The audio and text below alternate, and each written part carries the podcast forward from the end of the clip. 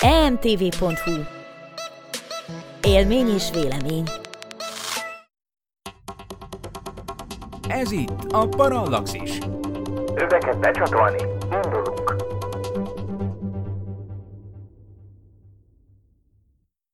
Jelenlegi működésünk fenntartásához és fejlődéséhez most a te segítségedre is szükségünk van. Ha szívesen olvasol, nézel és hallgatsz minket, arra kérünk, hogy támogasd a Tudományos Újságírók Klubja és a Tudományos Ismeretterjesztő Társulat által 2019-ben a Juhari Zsuzsanna díj külön díjával jutalmazott Parallaxis csapatát. Kattints a donate.mtv.hu oldalra, és adományoddal segítsd a tudományos és fantasztikus ismeretterjesztést, hogy közösen eljussunk oda, ahová még senki nem merészkedett. Köszönjük! donate.emtv.hu Figyelem! A műsorban spoilerek bukkanhatnak fel. 12 éven aluliak számára nem ajánlott. Az MD Média bemutatja. Van egy ilyen jelenet például, amikor uh, Bill Paxton, ugye Fred Hayes-t, a Holdcom pilótát játszó színész, például az egyik jelenetben láthatóan ott éppen üríti a gyomrának a tartalmát egy zacskóba a száján keresztül, és uh, hát az egy valós jelenet, tehát hogy konkrétan a színész az rosszul lett a forgatáskor, és minden, amit ott látunk szétlebegni, az mind-mind valós. Tudományos és fantasztikus élmények Csabával, aki mérnök, Miklóssal, aki fizikus, és Ádámmal, aki nem. Ez itt a Parallaxis, az entv.hu és az űrszekerek tudományos és fantasztikus podcastje. Szervusztok, kedves hallgatók! Ez a Parallaxis 24. adása. Április 11-én startolt el 50 éve az Apollo 13, Ron Howard pedig 1995-ben ennek állított emléket a filmjével, és erről fogunk ma beszélgetni. Én pont most néztem meg, itt van a kezembe a Blu-ray, még meleg, most vettem ki a lejátszóból. Hát jó lett volna megnézni az extrákat is, de szerencsére itt van velem Ádám és Miklós, aki mindent tud erről a filmről. Szervusztok, srácok! Hello! Sziasztok! Én először a könyv verzióval találkoztam, és hát gondolom az létezett először, mert maga Jim Lovell követte el, és ha jól tudom, ebből készítette a Ron Howard filmet. Miklós, mikor ez a könyv nagyjából?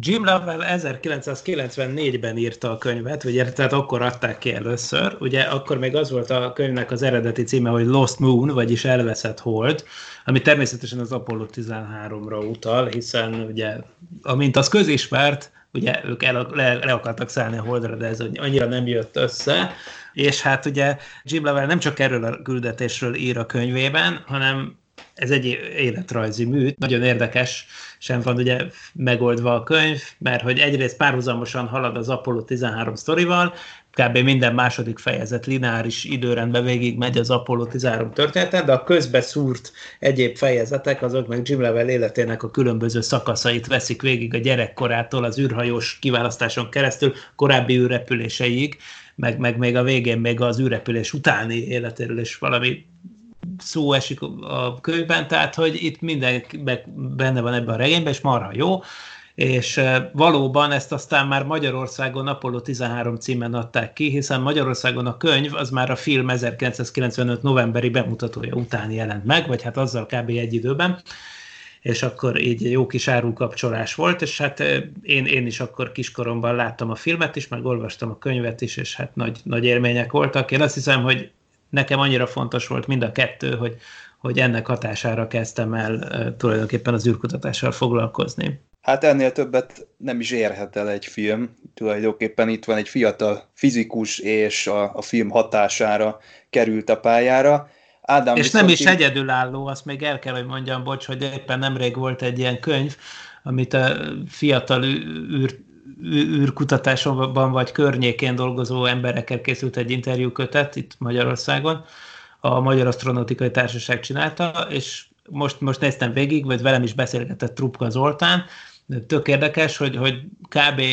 legalább tíz embernél láttam azt, hogy a film hatására kezdett el a téma iránt érdeklődni, szóval itt abszolút nagy, nagy impaktja volt ennek a maga idejében, az tagadhatatlan.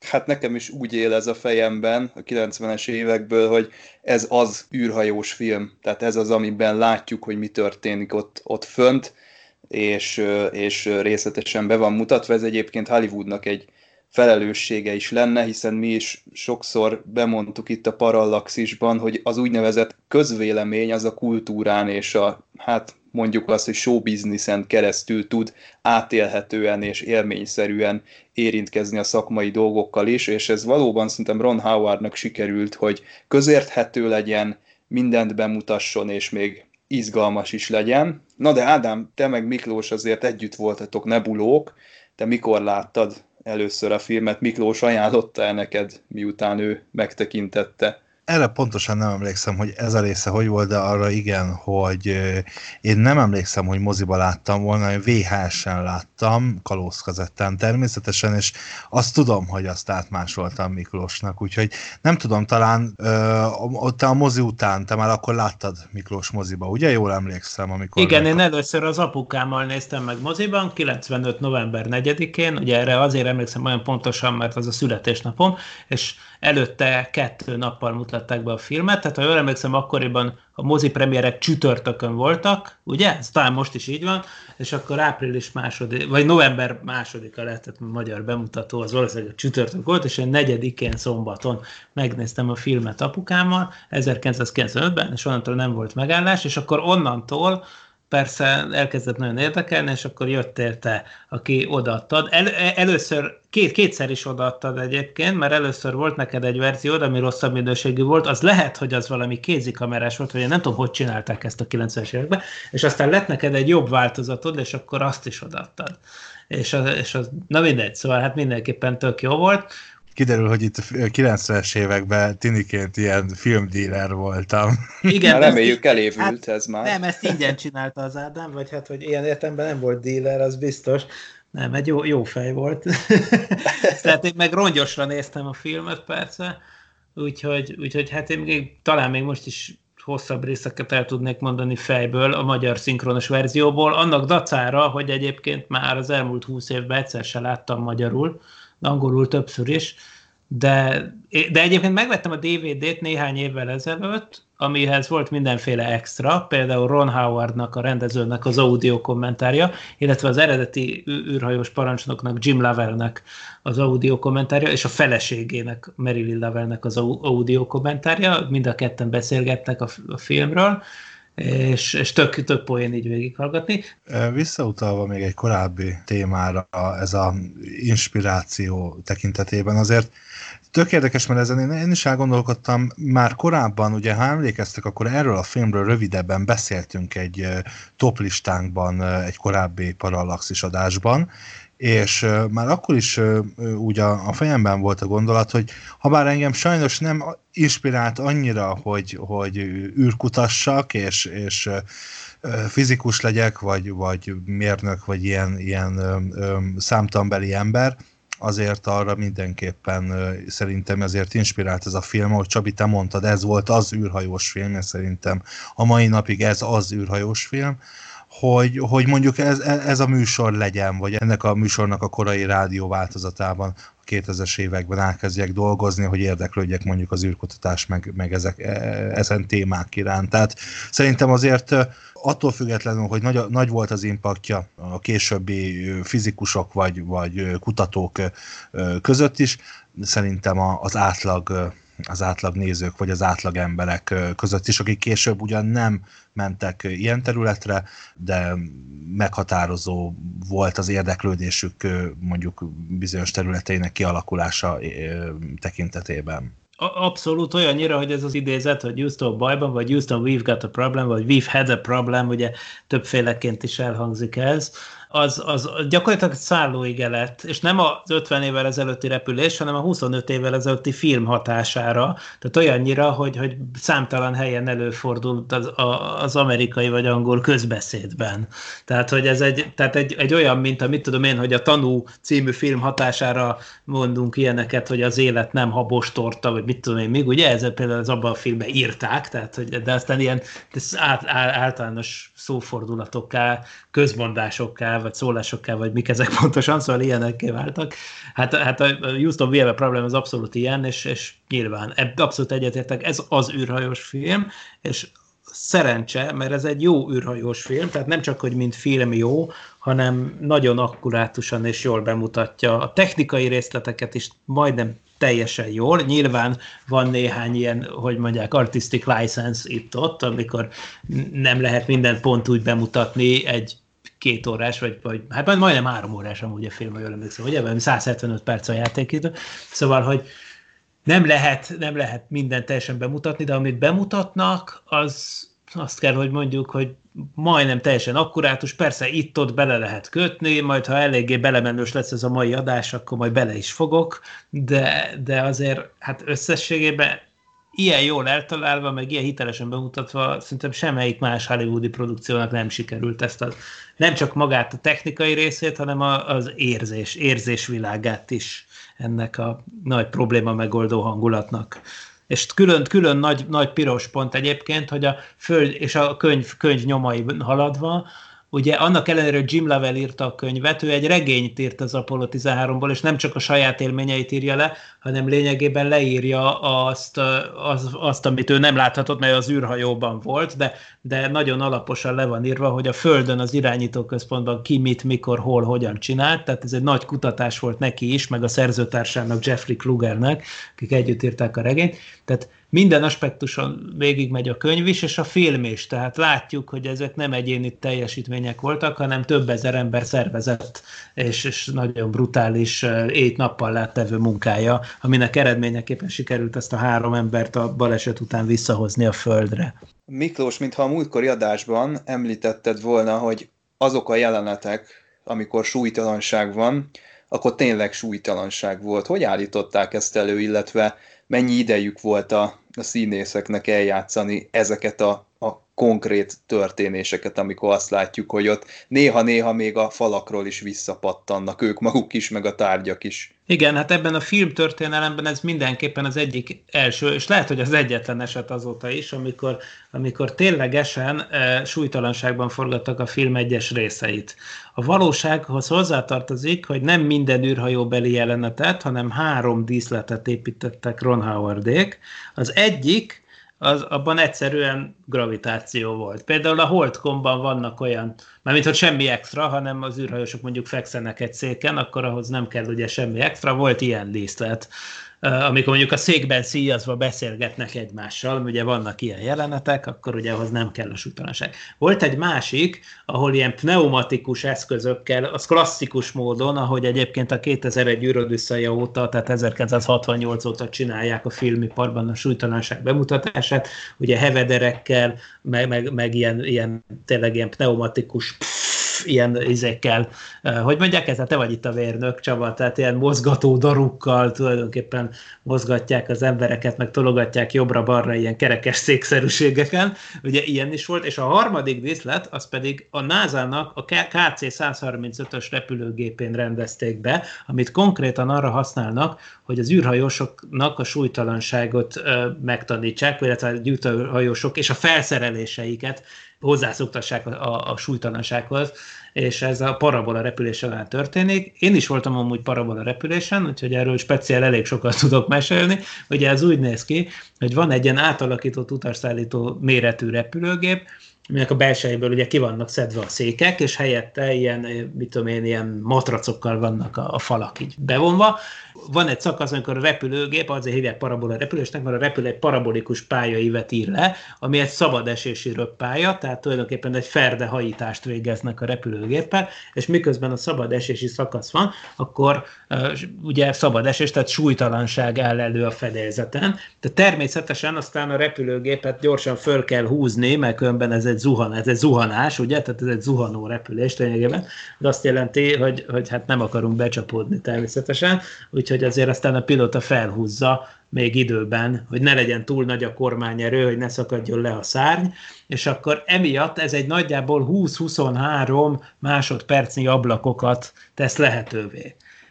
Tehát egy ilyen parabola repülésen lehet akár 50 ilyen parabolát csinálni egy repülésen, tehát egy ilyen repülés az sokáig tart, órákon keresztül, de egy, egy ilyen súlytalansági ablak az 20, 21 néhány másodperc, ugye ez azt jelenti, hogy a filmben is azokat a snitteket, amiben mondjuk az űrhajósok bukfenceznek a súlytalanságban, meg ahogy mondod, hogy visszapattannak a falra, meg én nem tudom, micsoda van, rengeteg ilyen jelenet van a filmben, azoknak a felvételére valóban ilyen 20 másodperces snittek voltak, és természetesen ők valóban nagyon pontosan megépítettek az Apollo, Apollo űrhajónak a replikáit, olyannyira, hogy Jim Lovell egyébként végig arról áradozik a, a nekem meglévő audio kommentár sávban, hogy, hogy mennyire akkurátus, teljesen megkülönböztethetetlen, ahogy az űrhajó kinéz az eredetitől, és hát ezt, ezt ugye megépítették három példányban, az egyiket így beszerelték egy ilyen repülőgépbe, de hát azért egy űr, ilyen űrkabin az pici, tehát aki látott már űrkabint, az, az, az tudhatja, aki meg nem az is el tudja képzelni, hogy azért ebben nem lehet egy, egy teljes stábot belevenni.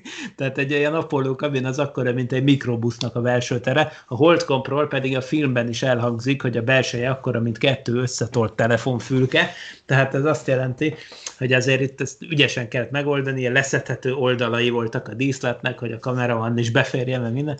Tehát óriási poén. Van egy ilyen jelenet például, amikor Bill Paxton, ugye Fred Hayes, a Holdcom pilótát játszó színész, például az egyik jelenetben láthatóan ott éppen émelyeg, és konkrétan egy zacskóba hány, hány, hányik az ikes, igen, nem tudom, szóval, hogy éppen üríti a gyomrának a tartalmát egy zacskóba a száján keresztül, és hát az egy valós jelenet, tehát, hogy konkrétan a színész az rosszul lett a forgatáskor, és minden, amit ott látunk szétlebegni, az mind-mind valós. És egy impro volt, amit erre Tom Hanks reagál, hogy Frank Borman az Apollo 8-on végig okálta a hold felé vezető utat, ugye ez elhangzik. E, e, az állítás igaz, mert a Frank Borman az Apollo 8-on tényleg rosszul volt, és akkor Tom Hanks benyögte ezt és ez azért tudta beimprozni ezt a mondatot, mert amúgy Tom Hanks maga is egy óriási nagy űrfan. Tehát ő is nagy Apollo fan volt gyerekkora óta, úgyhogy tudott ilyen infókat, amiket ott itt ott el tudott sütni a filmbe. Egészen meg is vagyok lepődve, hogy Tom Hanks még nem kapott műsort a National Geographicon, hogy ő is, ő is utazzon a képzelet űrhajóján. Én azt hiszem, hogy azt mondod Miklós majd, hogy maga Fred Hayes aki a valóságban is rosszul lett, mert ha jól tudom, akkor csak a, csak a Jim Lovell volt az, aki visszatérő volt az űrbe, tehát ő neki ez volt a negyedik küldetése. A Jack Swigert, illetve Fred Hayes talán először jártak oda fönn. Így van. Tehát akár meg is történhetett volna ez. Hát még az is, tehát megtörtént, hát az űrhajósoknak a kettő harmada az rosszul van a súlytalanság első napjaiban, úgyhogy nagyon valószínű úgy, hogy tényleg megtörtént ilyesmi, tehát egy három tagú Apollo csapatból, hogy ketten rosszul lesznek, az teljesen standard. Egyébként nemrég volt erről a múlt heti szokolévresztőben, pont erről beszéltem, az űrrepülésnek, a rövid és hosszú távú űrrepülés orvostani problémái, hát ez bizony megvan, és ez abszolút a parabola repülésen is jelentkezik, tehát emlékszem, hogy amikor én voltam parabola repülésen, akkor is az volt, hogy, hogy előtte kaptunk ilyen gyógyszert, pontosan emiatt, hogy ez a mozgásbetegség ez ne jelentkezzen. Ez ugye mindenkinél jelentkezik majdnem súlytalanságban, csak van, aki jól reagál, van, aki kevésbé, de maga az alap probléma, hogy az egyensúlyi szervünk a fülünkben nem tudja, hogy merre van a lefelé, mert nincs, és össze-vissza lebeg az a zsák, aminek irányzékként kéne szolgálni a fülünkben, és az agyunk teljesen összezavarodik, ez mindenkinél megvan, persze nem mindenki dobja ki a tacsot, de a parabola repülésen is osztottak ilyen tablettákat, és, és hát be is vettük. Na most igen, hát úgy látszik az Apollo 13 forgatásán nem, de ez mindenképp egy, egy ilyen elsőség, és én szerintem azóta sem nagyon csináltak ilyet, és ez tök jó volt, hogy ráadásul tényleg a NASA bocsájtotta rendelkezésükre ezt a kapacitást, ezt a parabola repülést végrehajthassák, olvassák, ez egy külön ízt ad a dolognak. És valóban egyébként a, a legénység, Jim Level az ugye a legnagyobb veterán volt akkoriban, de az Apollo 13 volt a, harmadik holdat célzó küldetés, és az első olyan, ezek közül a holdra leszálló küldetések közül, amikor a három űrhajós közül kettő újonc volt. Ez korábban nem fordult elő, se az Apollo 11-en, se az Apollo 12-ön. Itt viszont igen, ugye ők korábban majdnem ebben a felállásban éppen a Neil Armstrongék tartalékaként készültek az Apollo 11-re. Aztán ők lettek volna az Apollo 14 legénysége, de nem ebben a felállásban, hanem úgy, hogy Jim Lovell, Fred Hayes és Ken Mattingly. Aztán végül a film nagyon jól bemutatja, hogy volt egy legénység csere, úgyhogy az Apollo 14-re szánt legénység előjelre jött az Apollo 13-ra, ez is benne van a filmben szépen, és aztán utána néhány nappal a start előtt pedig ugye kiderült, hogy az egyik tartalék az rubeolás beteg, mi azt jelenti, hogy ugye azt, aki egyszer azon a betegségen átesett, az úgy oké, okay, de ugye Ken Mattingly, az eredeti parancsnoki egység pilóta, ő nem volt immunis, ezért néhány nappal, kettő nappal a start előtt, vagyis hát négy nappal valójában a film az kettő napnak mutatja, de né, nagyjából ilyen egy-két nappal a start előtt lecserélték a legénységnek az egyik tagját, és Jack Swigert így került be a csapatba. Úgyhogy igen, valóban újoncok voltak, egyébként Ken Mattingly maga is újonc lett volna. Szerintem érdemes megjegyezni azt is, amit a, abban az előző adásban te is kiemeltél, hogy a díszletet mennyire pontosan összerakták, és most a műsorra készülve én is néztem régi televíziós híradó riportokat Kronkájtal és, és a többiekkel a, a, azokban a napokban, és ott többször bevágják a, az irányítóközpontot, és hát fantasztikus munkát végeztek a, a, a díszletesek, mert remekül gyakorlatilag tényleg ugyanazt az irányítóközpontot láthatjuk a filmben, mint amit a, a, a, ami a valóságban is használtak. Így van, és a NASA felajánlotta nekik, hogy forgassanak az eredeti irányító központban, de az akkor már nem nézett ki pontosan úgy, mint az Apollo korszakban, ezért Ron Howardék valóban Kaliforniában felépítették az egészet újra. És ezért aztán teljesen korhű, és éppen idén, vagyis tavaly 2019-ben viszont a Houstoni irányítóközpontot is valóban restaurálták, úgyhogy most az már megint úgy néz ki, mint az Apollo időkben, de a filmet nem az eredeti helyszínen forgatták, hanem egy még annál is realisztikusabb helyszínen, amit ők építettek meg, így van. Itt az újonc meg a tapasztalt parancsnokokhoz kapcsolódóan, ha jól tudom, akkor Dick Slayton volt a, a személyzeti felelős, hogy ki mikor repül, és mintha neki lett volna egy ilyen rotációja, hogy legyen egy tapasztaltabb ember, és mellé kerüljenek újoncok, aztán azok, akik fönt vannak, azok között teljen el egy küldetés, és utána mehessenek fel megint, tehát a Gemini program óta volt egy ilyen bejáratott rotáció ennek az ügynek. Így van, ez a repülsz, kettőt kihagysz, tartalék vagy, kettőt kihagysz, repülsz. Ugye így néz ki a rotáció, és így volt az, hogy az Apollo 11 tartalék legénysége lett volna az Apollo 14-re kijelölve. Pont a Dick Slayton féle rotáció miatt, ugye, mert hogy tartalékokoltak, kettőt kihagytak, repültek volna, és csak ugye itt aztán a filmben is emlegetett El Shepard, akiről nemrég volt cikkünk a Parallaxis blogon, ugye az ő fül problémái miatt még a vezetőség nem volt kellőképpen meggyőzve, hogy ő az Apollo 13 parancsnoki teendőit el tudja látni, ezért az Apollo 13 és a 14 legénységét kicserélték. Ugye így már utólag látjuk, hogy ezzel a 14-esek nagyon jól jártak.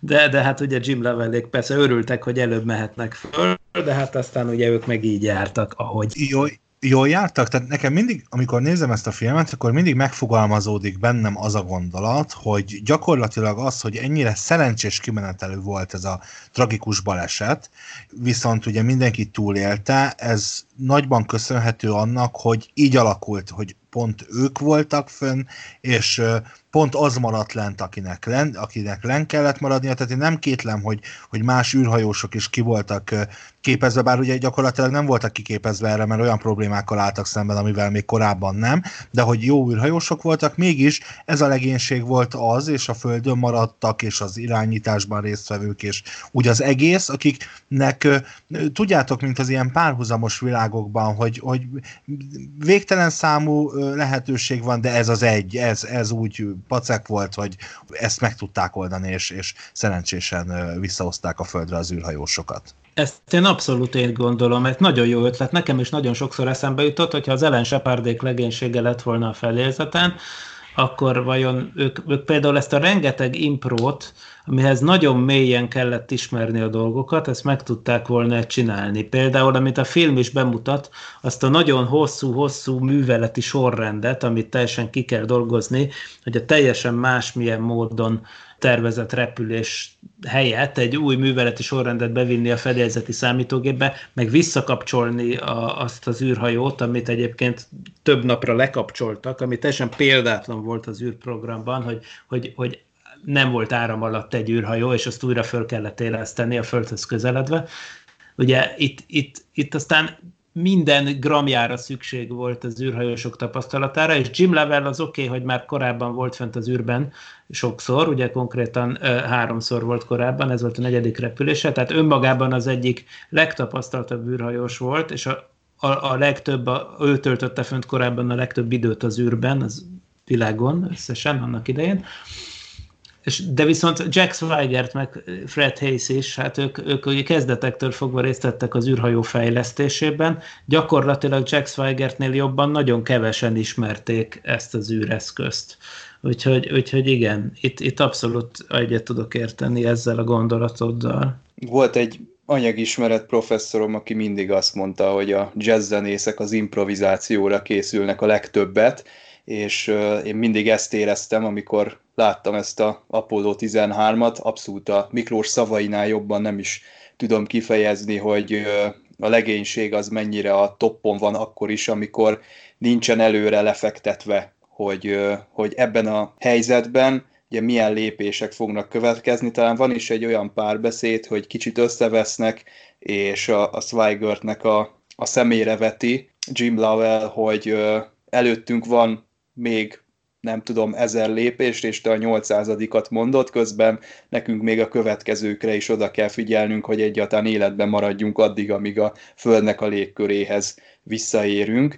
Tehát ezt nagyon jól átadja a film, és, és abszolút átjön az a, hát több mint két órán át tartó bizonytalanság, illetve az az érzés, hogy, hogy itt, itt nagyon oda kell figyelni. Azon túl, hogy ugye látjuk, hogy mi történik az űrben, és mondta Miklós, hogy a Jim Lovell egy, egy nagyobb léptékű, egy, egy saját életrajzot írt a könyvben, azért nem maradhat el természetesen a, az űrhajós drámáknak az a része sem, amikor az aggódó feleségeket látjuk meg. Ezt az egész élethelyzetet, gyakorlatilag egy hőskorszakot ö, látunk ezekben a filmekben, és az Apollo 13-ban is, és ennek a hőskorszaknak talán a, az alkonya már, mert itt megpedzegeti a maga a film is több helyen, hogy hát kétkednek az adófizetők, hogy, hogy kell-e ez nekünk, nem adja már le a tévé, egyik csatorna sem veszi át a, az élő közvetítést, és szépen lassan után be is fejeződik ez az egész. Ha jól tudom, akkor Apollo 17 volt a,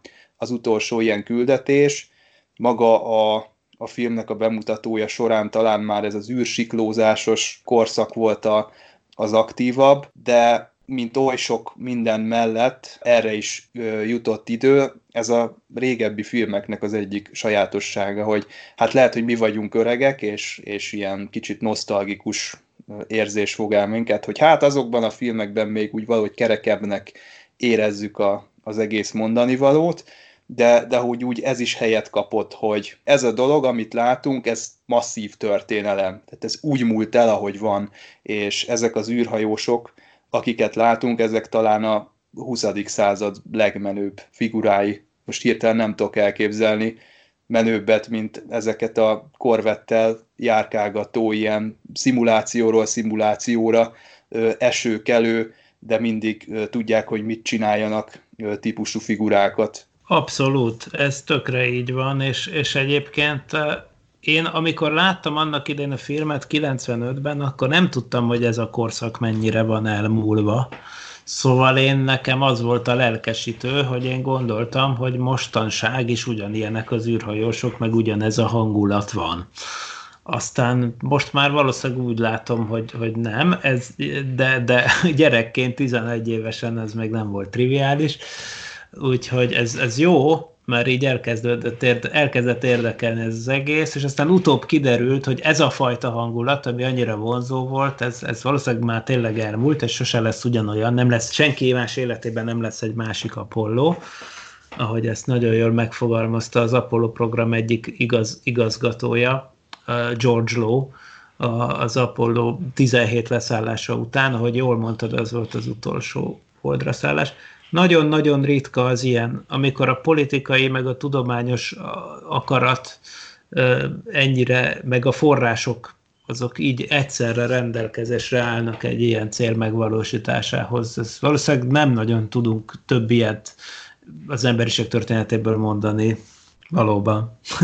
Nekem például nagyon tetszettek a filmben azok a, azok a momentumok, amik, amik, fe, amik bemutatták a valóságot, mint például, de Javicski Miklósra rosszul emlékszem, ugye Marilyn Lowellnek a, a gyűrűje, mikor beesik a ö, zuhany, vagy, vagy mosdó kagydóba, vagy hova, ezek, ezek, amik a valóságban is megtörténtek, és gyakorlatilag, gyakorlatilag a neonfény is ki volt írva hogy az égre, hogy, hogy probléma lesz, és... Ez...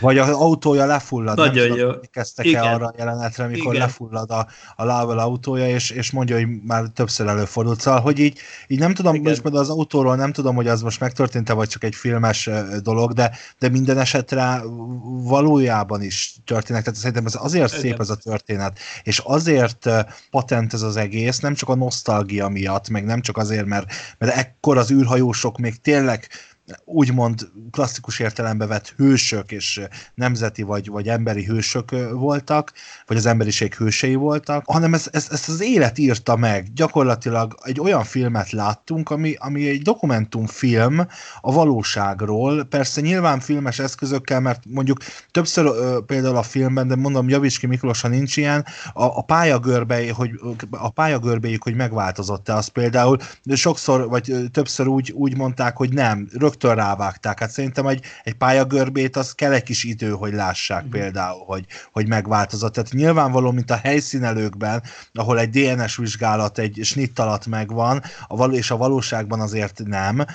Ott ugyanígy persze trükközött a film is, mert hát ez egy film, de valójában a valóságot láttuk. Igen. Úgy, hogy azt a lehető legjobban, tehát Ron Howard valami fantasztikusan, és a színészek valami fantasztikusan átadták azt a közönségnek, hogy te otthon ugyanúgy századszorra is, 2020-ban is végig izgulod a filmet, a, a, a, a kilövést, a, a, a tragédiát magát, a robbanást, mint, mintha nem tudnád, hogy mi történik, pedig tudod, hogy a Titanic úgyis a jéghegynek ütközik, tehát, tehát mégis hatással tud lenni rád a film, mert Igen. a valóságot látod. Abszolút. És jó, hogy a Titanicot mondod, mert egyébként mind a kettőhöz ugye James Horner szolgáltatja a talpalávalót, a zenei aláfestést. Ugye igen, a látszik, hogy a készítők is mennyire szeretik a témát. Ez átsüt az egészből, olyan alapos az egész. És valóban egyébként vannak például ez a jelenet, amit mondtál, hogy a start előtt, amikor Marilyn Level zuhanyzik és beesik a jegygyűrűje a lefolyóba, ugye mondja is Marilyn Level az audio kommentárba, tehát a űrhajós parancsnok felesége, Marilyn Level mondja, hogy hogy, hát, hogy mindenki azt hiszi, hogy ez tényleg csak a hollywoodi forgatókönyv miatt írták bele, mert ez tipikusan olyan jelenet, de hogy ez konkrétan így megtörtént, ahogy, ahogy van.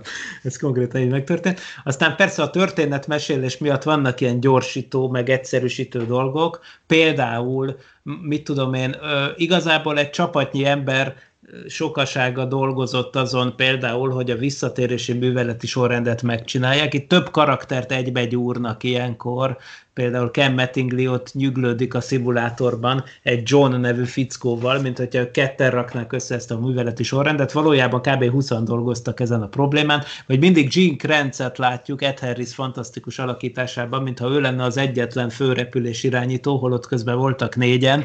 Szóval persze, persze vannak ilyenek, amik az egyszerűsítés szempontjából bizony ezé van, be, a, be kell a lenni. Pályagörbe? A pályagörbe, a pályagörbe? A pályagörbe az érdekes, mert, mert valójában ö, folyamatosan jönnek adatok. Most az, hogy a pályagörbe módosul valaminek a hatására, azt nyilván az csak egy, egy mit tudom én, 10 perccel vagy fél órával később lehet megmondani. Nyilván minél pontosabban akarod men- megmondani, annál tovább kell várni. Ugye? Tehát ez nyilván az a fajta dolog, amikor csináltak egy pályamódosítást, és utána azonnal megmondják, hogy izé, most jó pályán vagytok-e vagy sem persze minél pontosabb értéket akarsz mondani, annál tovább kell várni, de rögtön a fontos dolgot azt kb. rögtön lehet mérni, tehát itt sem annyira rossz a film, mert egyébként a, abból, hogy a rádió jelek, amik jönnek az űrhajóból, annak mekkora a Doppler eltolódása, azzal nagyon jól ki lehet mérni, hogy a sebesség egy pályamódosítás ah. hatására mennyit változott meg, és az kb. azonnal látszik, de természetesen ami az irányt illeti, ott azért nyilván ott csak később derülnek ki a kis turpisságok, de a látóirányba eső sebességváltozást azt jól lehet. Pedig két kilométer per másodperces sebességgel haladnak, tehát hogy óriási, óriási sebesség.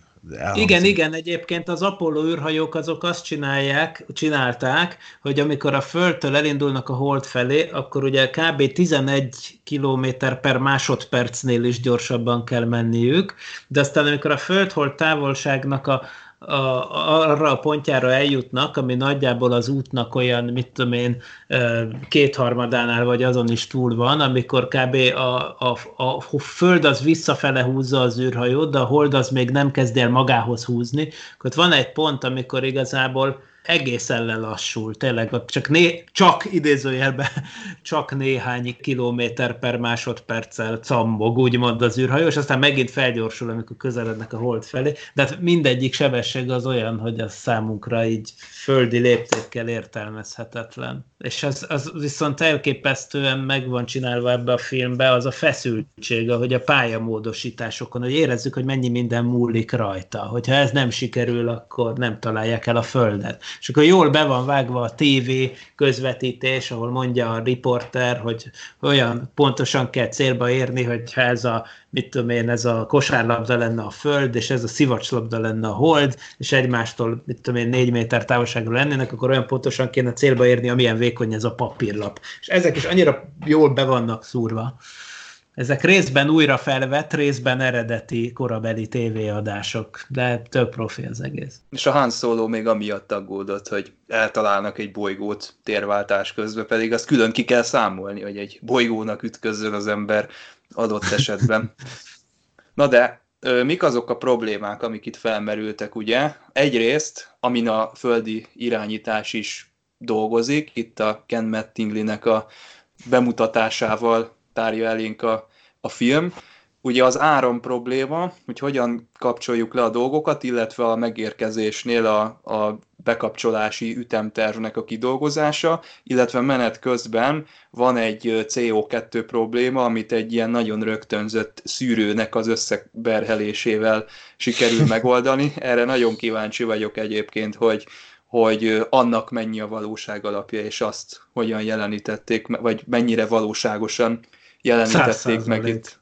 Ó. A száz százalék, az teljesen úgy van, és még úgy is néz ki, amit létrehoztak.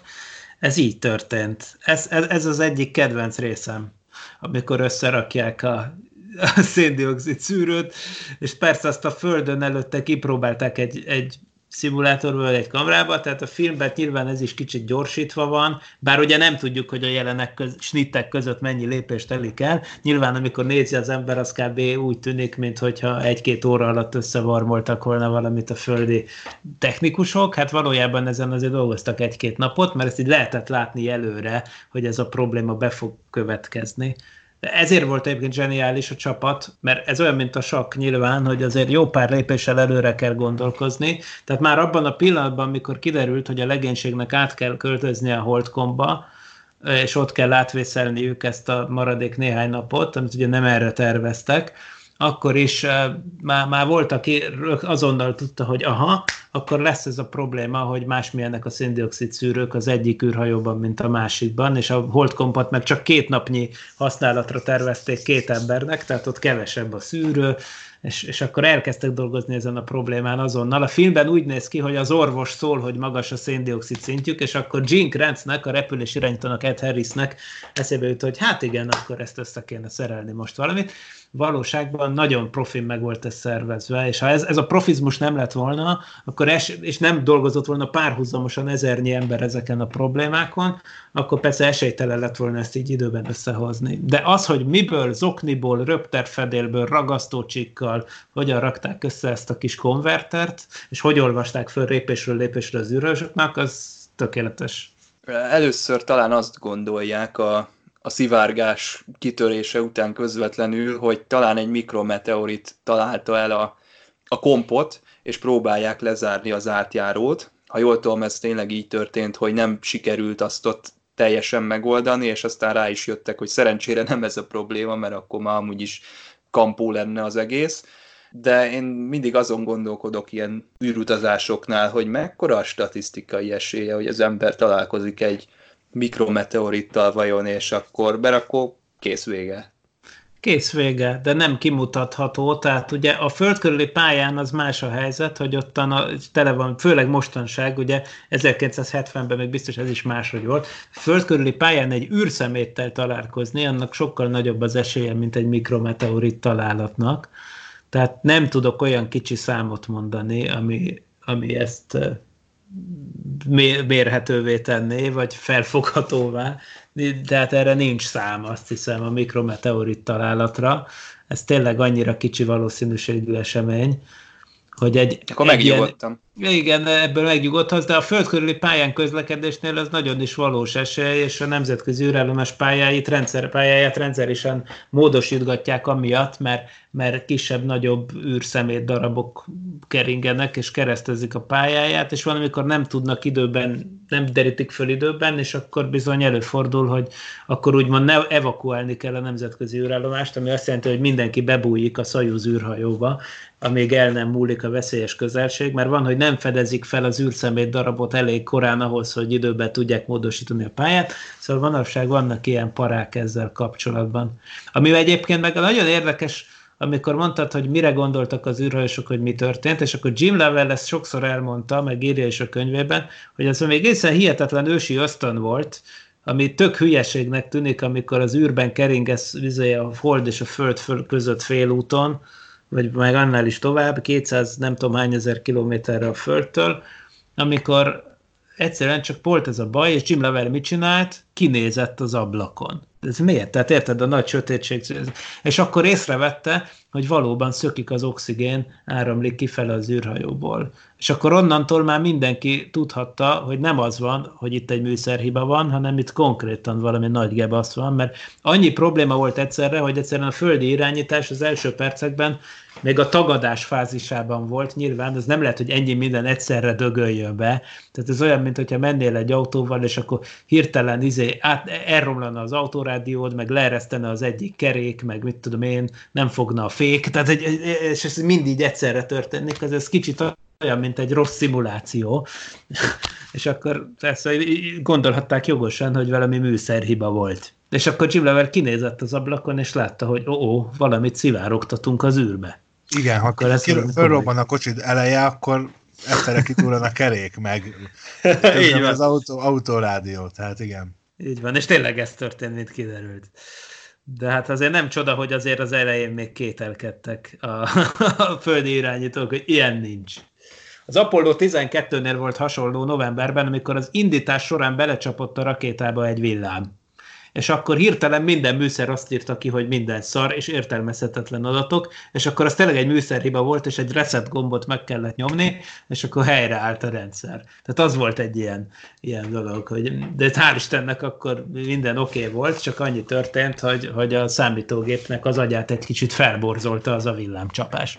Hát az Apollo 13-nál persze nem ez volt, hanem egy valós katasztrófa ütött be. Én azokat a jeleneteket imádom, amikor dokkolás történik. Emlékeztek a Saljut hetet, amikor néztük, abban is volt egy intenzív jelenet sor, amikor próbálták még szimulátorban végrehajtani a, a dokkolást. Ott mondjuk nehezebb volt a helyzet, mert ha jól emlékszem, ott pörgött az egység a föld körül, mint az állat, aztán ott, ott az, már arra sem emlékszem, hogy az mennyire volt eltúlozva, de valahogy ezek a jelenetek olyan természetes módon ö, ö, hatnak rám, és egyből, egyből bevonzák a figyelmemet, és szerintem ez ki is figurázza az elején a, a rendező, mert egy ilyen obszén hasonlattal, egy ilyen sörös üveggel ö, próbálja ott, nem is tudom kinek magyarázni, egy hölgynek. Kevin a, Bacon, egy, ugye egy Tracy nevű random Igen. hölgynek. Ki belecsöppen a űrhajósoknak Képzeld, a milyen érzés, amikor az ide belecsusszan, minden a helyére pattan. Ja, igen, hát a dokkolás az, az, az nagy mutatvány, ez biztos, és egyébként egy kicsit túl van dramatizálva egy kicsit ez a dolog a filmben. Ugye többször is látunk dokkolást, először a szimulátorban látunk egy dokkolást, akkor még ugye Jerry Sidnis, vagyis Ken Mattingly csinálja, és aztán a valóságban Jack Swigert, vagyis Kevin Bacon, és ott akkor az a, az a mondat, hogy izé, hogyha Swigert nem dokkol, akkor ugrott a hold, tehát vannak ilyen izék, ilyen feszültségfokozó valamik, hogy, hogy, a, hogy hát az újonc Swigert, aki két napja csökkent be, csöppent bele a legénységbe, és amúgy egy nagy világfi, és csajozik össze-vissza, és aglegény, és rég volt szimulátorban, és most rajta múlik a küldetés sorsa. És ehhez képest persze a valóság az, hogy a Swigert valami miatt, aki tök jó pilóta volt, ugye, mint mondta, de ő nem tudott volna dokkolni, akkor Jim Lovell is, meg Fred Hayes is ki volt kétezve arra, hogy dokkolják az űrhajót, de hát természetesen a Hollywood. Kellene meg... ilyen így van, így van, tehát azért a film az úgy készült, mintha te nem tudnád, hogy mi fog történni, tehát ha, ha, klasszikus hollywoodi filmként készült, és ha így tekintünk a filmre, akkor ezek, ezek egy ilyen, ilyen kis lámpák, hogy, hogy a fellövés stressze, hogy jó, akkor már túl vagyunk ezen, már akkor minden rendben lesz, akkor a dokkolás, túl vagyunk, már minden rendben lesz. Meg volt a bejelentkezés, a tévés bejelentkezés, ugye, amit aztán nem vettek át a, a tévécsatornák, de ugye meg volt, minden rendben lesz. És akkor történik a baj. Igen, és amikor mondja is Jim Lovell a felbocsátás közben, amikor a második fokozatnak, ez is valós történet, tehát ez nem Hollywood, hogy az öt hajtómű közül az egyik az bekrepált a start, köz, start közben, de szerencsére pont a középső, a Saturn 5 második fokozatának öt hajtóműve van úgy elhelyezve, mint a dobókockán az ötös, és ugye a középső az kihagyott, szerencsére pont a középső, ezért ugye tovább tudott menni a rakéta, anélkül, hogy az iránya változott volna, mert az egyik szélső esik ki, akkor az iránya is változik, és az baj, így viszont a maradék négy hajtóműnek a tovább, tovább üzemeltetésével kompenzálta automatikusan a rendszer azt a, a kiesést, amit az okozott, hogy az egyik hajtómű bekrepett, és akkor mondja is Jim Lovell, és Tom Hanks is mondja, és ez mind elhangzott az igazi repülésen is, hogy, hogy we've had the glitch for this mission, tehát hogy megvolt a, magyarban talán úgy, hogy megvolt a kötelező gigszer. Tehát most már, most már megvolt, az, minden küldetésen el kell valaminek romlania, ezen már túl vagyunk, most már csak a jó jöhet. hát aztán nem így történt. Ez tényleg az Ádám ezt jól mondta, hogy gyakorlatilag mintha táblával mutatnák a, a repülés irányításnak is, meg a nézőnek is, meg mindenkinek, hogy egy felsőbb hatalom van itt. A sors, mint hogyha azt akarná mondani, hogy srácok, ezt hújjátok le. Ez az egész számmisztika dolog, és kicsit úgy kísértik ezt a, ezt a 13-as dolgot, hogy úgy, úgy fittyet hánynak rá, és van, van az egészben egy ilyen, egy ilyen földön túli, egy ilyen, hogy játszunk valami olyasmivel, amivel nem kéne játszani, és az így vissza-vissza üt. Igen. És egyébként a NASA egyébként érdekes módon ezt a babonát, ezt úgy tűnik, hogy nem tolták túl, de azért valóban a Mercury űrhajóból ugye hat hat emberes repülés volt, Gemini-ből 12, de Gemini 13 az sose volt, mert véget ért a program. Jött az Apollo, az Apollo 13-mal ez történt, ami, úgyhogy aztán amikor jött az űrrepülőgép program, és akkor már látták, hogy lenne egy STS-13 nevű küldetés, akkor gyorsan átszámozták, gyorsan, mert STS-9 Ferenc után gyorsan bevezettek egy teljesen más számozási rendszert, hogy még véletlenül se legyen egy 13-as számú Space Shuttle repülés.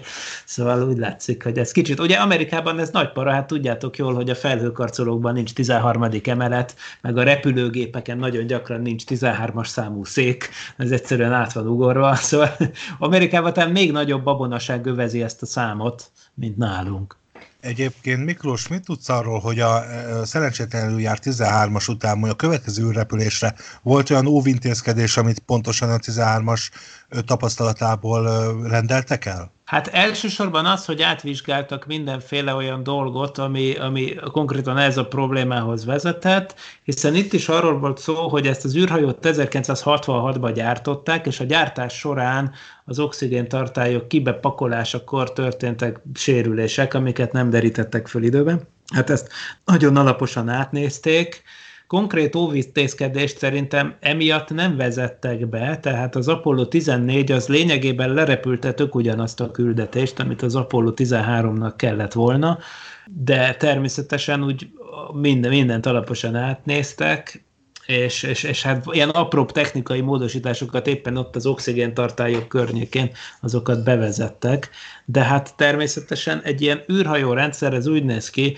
hogy ez sok millió alkatrészből áll. Tehát ez nem lehet valamibe úgy belenyúlni, hogy ezt ilyen komplex rendszerbe ne nyújj bele minden másba. Biztonsági protokollokról beszélek mondjuk első. Igen, igen, igen, értem, de olyasmiről érdekes módon nem tudok. Tehát, tehát azt hiszem, hogy nem.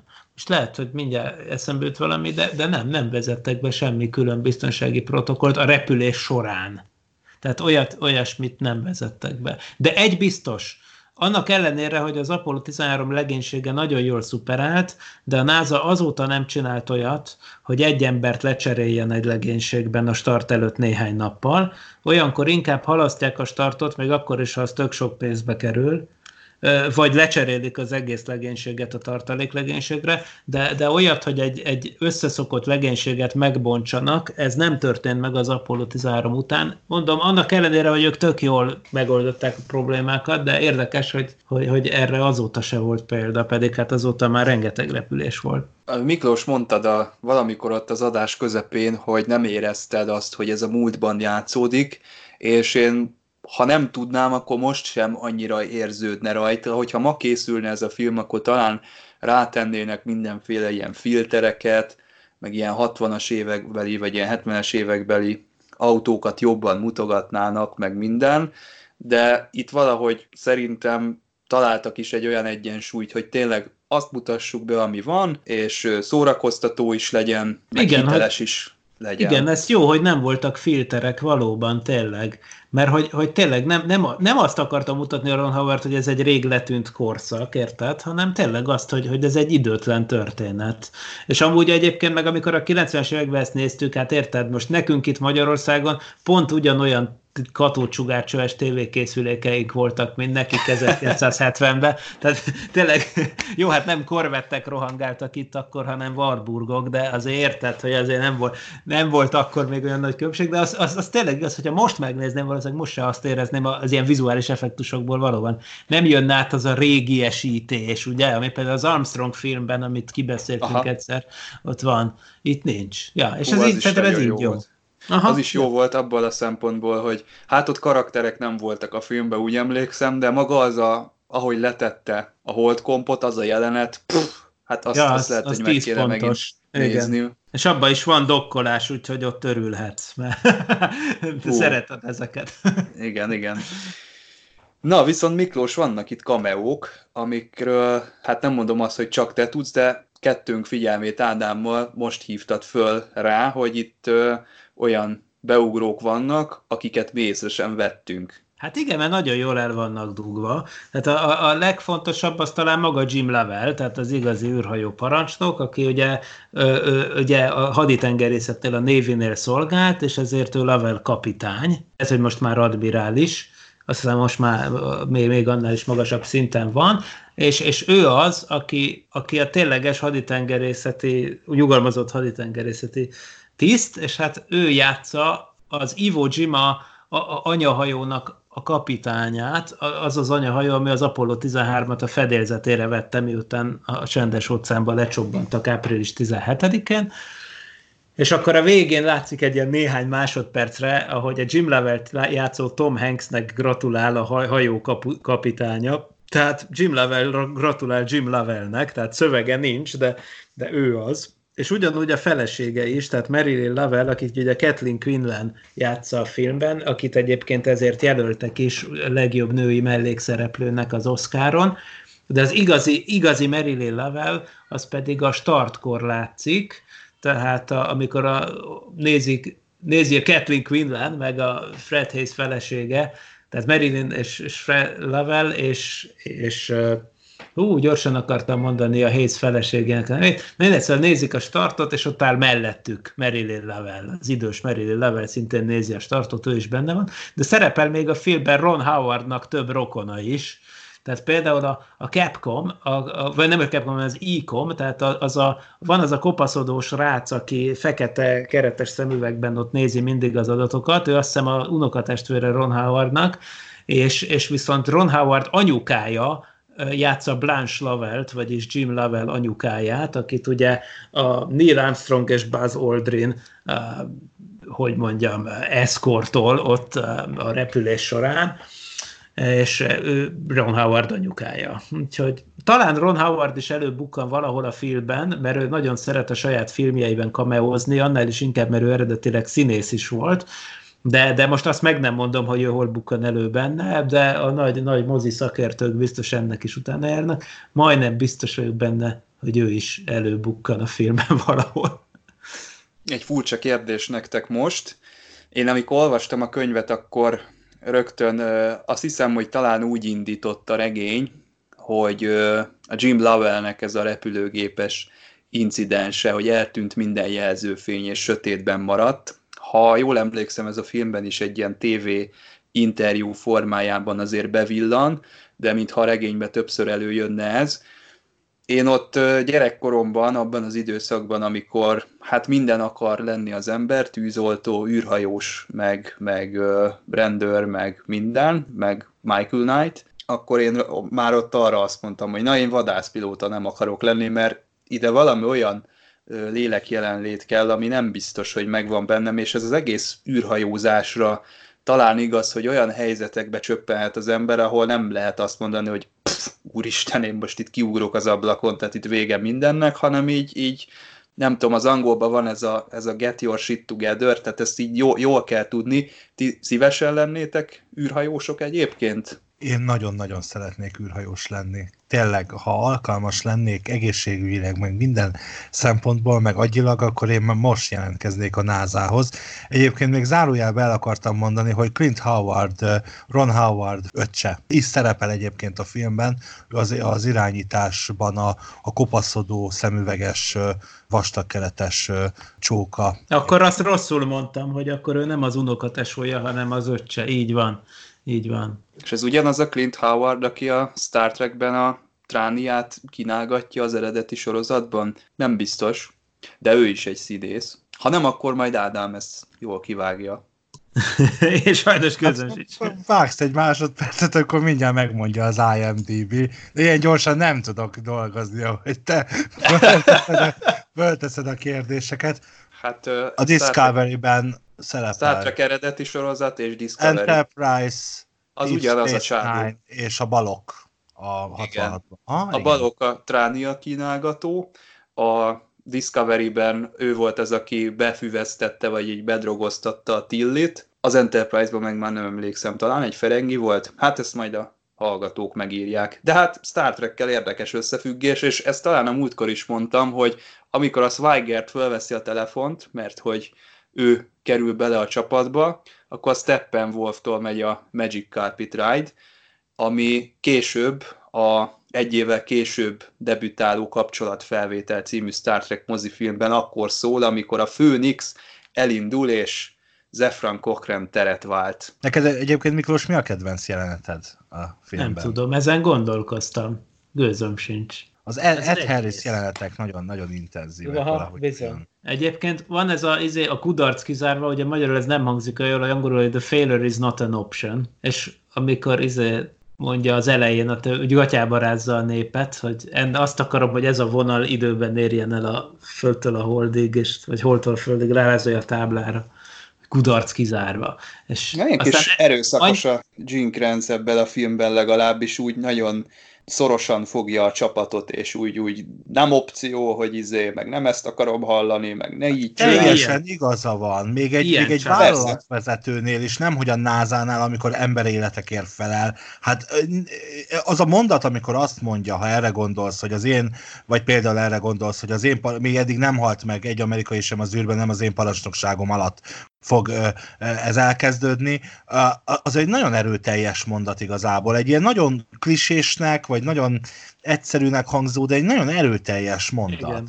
Jim, Gene Krantz, akinek egyébként megjelent magyarul is a, az, az önéletrajza, egyébként mi más lett volna a címem, mint egyébként az, hogy failure is not an option, tehát hogy kudarc kizárva, ami a filmben hangzik el, Hát, Azt hogy hittem, igen. Hat csomag, hat csomag Marboró az irányító központban, vagy valami hát kb.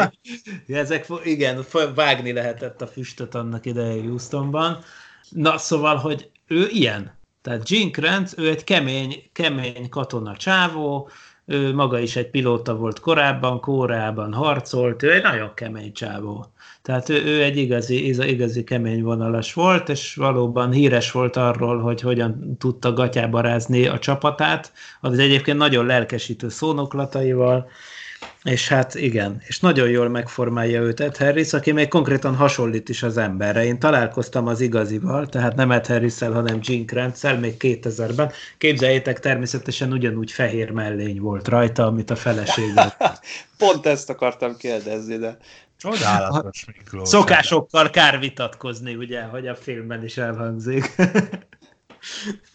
Igen. Ez az irítség egyébként engem. Egyfajta. És kezet fogtatok, vagy csak vulkáni helló volt? Hát akkor még nem volt karantén, ugye 20 évvel ezelőtt kezet fogtunk, meg aláírattam vele egy ilyen prospektust az Apollo holdra szállásról, hiszen nem csak az Apollo 13 alatt, hanem ez konkrétan a holdra szállás során ő volt a repülés irányító, Úgyhogy, úgyhogy azt, hogy egy, egy olyan képet aláírattam, ami Neil Armstrong sétál a Holdon, vagy Buzz Aldrin, de hát azt mondtam, hogy hát ez, tehát ez lép annyira az ő sikere, mint a repülés irányítóé, tehát hogy a repülés irányítás az körülbelül olyan, mint egy, mint egy plusz űrhajós, vagy még több. Tehát, hogy az Apollo 11 és 13, tehát ez, ez a repülő, repülés irányítás sikerei egyértelműen. És annyira boldog vagyok, hogy az Apollo 13 egy olyan film, ami ezt megmutatja, hogy ez mennyire, mennyire csapatmunka ez az egész. Van egy olyan furcsa érzésem az Apollo 13 nézése közben, hogy ez a film, ez végtelenül